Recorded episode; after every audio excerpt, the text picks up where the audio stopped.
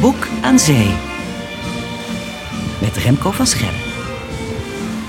Stel je voor, loop je over het strand, rustig briesje, golfjes, vind je opeens een stenen Nehalenia-beeld. Als eerbetoon aan de godin van de zeevarenden. Ik ben Remco van Schellen en leuk dat je Boek aan Zee in je oor hebt.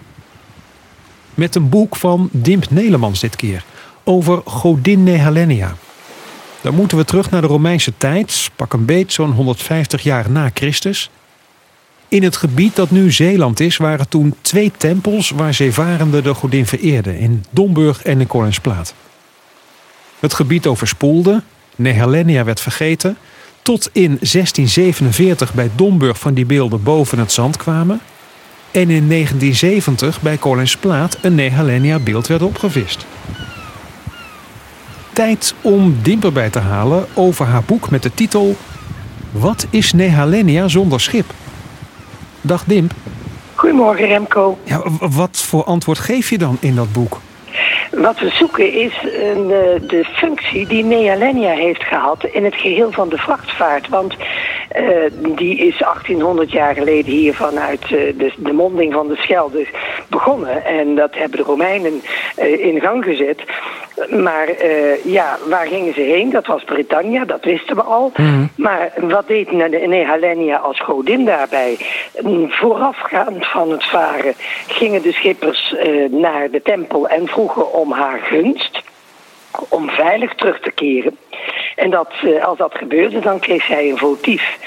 Nou zijn er inmiddels zoveel votieven uh, boven water gehaald uit de schaar van Kolijnsplaat. Ja, wat is een votief? Wat is dat voor ding? Dat is een beeldenis van de godin met daaronder een uh, inscriptie van wie dat uh, beeld geschonken heeft, ja, ja. waar die vandaan komt en wat zijn beroep was. Ja, want heel even uitleggen, hè, destijds, en dan hebben we het echt over heel lang geleden, Romeinse tijd. Ganuenta, dat is even heel simpel gezegd waar nu Kolijnsplaat dan ligt. Daar vandaan gingen schepen naar Engeland. Um, en er is ook een tempel geweest om Nehalenia te vereren. Die is later ja. herbouwd. Staat nu nog steeds ja. in Koningsplaat natuurlijk. Waarom was zo'n godin eigenlijk belangrijk toen?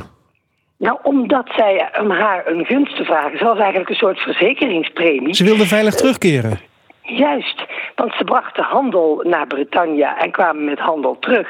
En het was een gevaarlijke oversteek, Noordzee. Met wat voor schepen gebeurde dat? Caudicaria heette dat schip. Dat is een kleine vrachtvaarder, die is 12 meter lang, zo'n uh, 4,5 meter breed. En die ging naar de overkant. Maar dat was het eerste dichte schip wat we zien in de geschiedenis, in de scheepvaart. En daar, want er moest ook zout in vervoerd worden en graan. Nou, dat moet droog heen en terugkomen. Ja. Dus, uh, en ze hadden maar één uitgang, dat was hier bij Kolijnsplaat, waar het nu Kolijnsplaat is. En uh, kwamen dus terug en dan schonken ze de godin een dankbeeld. Maar de, het aantal votieven dat gevonden is, en dat zijn dus die beelden, ja. dat met een inscriptie van wie het geschonken heeft en waar die vandaan kwam en wat zijn beroep was, dat waren veel, veelal leveranciers van vis of schelpen uh, uh, of uh, vissauzen. die gingen allemaal naar de overkant, maar ze kwamen terug met graan en met mineralen. Zijn nou vissaus? Hadden ze dat toen ook al? Ja, ja, vissausen waren ze helemaal uh, nou, gek op in, in Engeland. Maar ook de Romeinen. Toen, ja, wat we nu in een flesje hebben, dat ja. ging toen per boot. Dus als ze veilig terug waren, dan schonken ze een beeld. Ja. Hoe zagen die eruit? Nou, het zijn uh, stenen uh, beeldenissen. En die zijn door, uh, waarschijnlijk door kunstenaars en in ieder geval beeldhouwers gemaakt. Ze zijn, kunnen twee meter hoog zijn, maar ze zijn ook meestal niet hoger dan 70 tot 90 centimeter. Aan de zijkanten zitten daar ornamentuur van die Romeinse ornamentuur van boom en blad en druiventrossen. Aan de achterkant zit soms een uh, gordijn, een, uh, wat je hebt bij een toneel. Ja, ja. En aan de voorkant zit dan de afbeelding van Nealenia, die op een stoel, troon zit. En die heeft een uh, lange jas aan.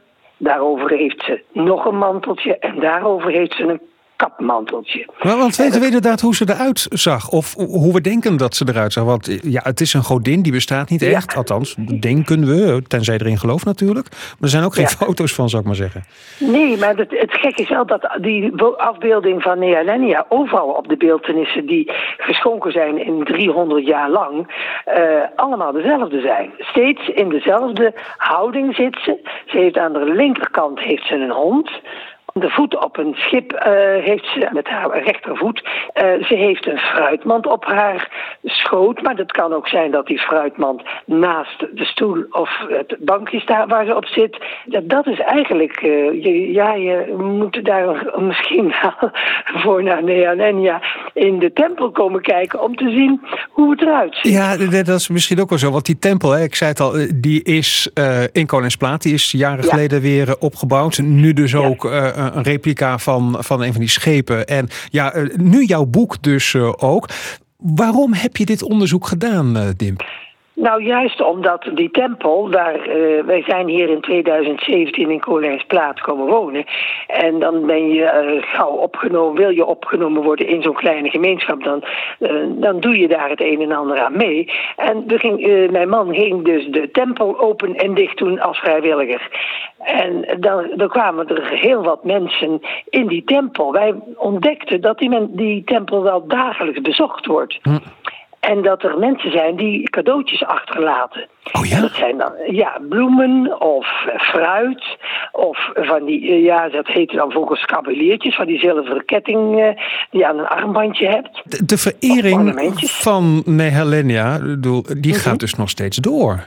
Dat is wat het was, ja. En dat was wat ons verbaasde. Ja, maar heb je dan ook gevraagd van... aan mensen waarom ze dat doen? Want dat intrigeert me dan wel. Waarom vereert nou, iemand een godin die er niet is? Nou, wij waren natuurlijk geen baas van de tempel, want dat is de stichting Nealenia. Dus we konden niet anders doen dan, ja, er staat weer een bos bloemen. Ja, er zitten mensen daar heel sereen op een kussentje in de tempel, uh, zitten daar te mediteren of uh, iets van die aard. Dus er zit een, een ho hoge mate van devotie aan. Die tempel. Nu heb je denk ik heel veel onderzoek moeten doen, maar is er eigenlijk wel wat te vinden over Nehalenia? Er is zo verschrikkelijk veel geschreven over die godin. Dat, uh, ja, er zijn heel veel mensen op afgestudeerd, gepromoveerd. Uh, er zijn nog steeds mensen die daar een, studie in doen. Maar die gaan altijd uit vanuit devotie-element. Je kunt haar een gunst vragen, je kunt er troost vragen. En als je haar een gunst vraagt en die komt uit, dan schenk je haar wat. Ja. Maar uh, voor ons was het veel interessanter. Er is een schip op, onder die voet van die Nealenia. Want we gingen natuurlijk kijken, zijn er nog meer van die afbeeldingen uh, in de wereld? En dat bleek. Een heel overzicht kregen wij op een dag zomaar uh, geschonken van tekeningen uh, die uh, zijn gemaakt uh, bij de vondsten die in 1647 zijn gedaan in Domburg van Negalenia. Want 5 januari 1647 was er een enorme storm aan de kust. En daar spoelden de mensen die dan twee dagen later het strand opliepen, die zagen allemaal stenen liggen. Ja, en die dachten, wat is dit? En die hebben ze opgeborgen in de kerk, want ze hadden geen museum. Ja. En daar is 200 jaar later de brand ingegaan.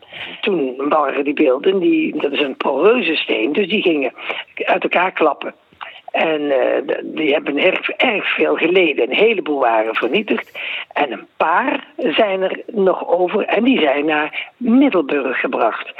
Naar Middelburg in de, bij het museum, uh, of het erfgoed wat er toen was. Uh, dat hebben ze dus in 1847 daar naartoe gebracht.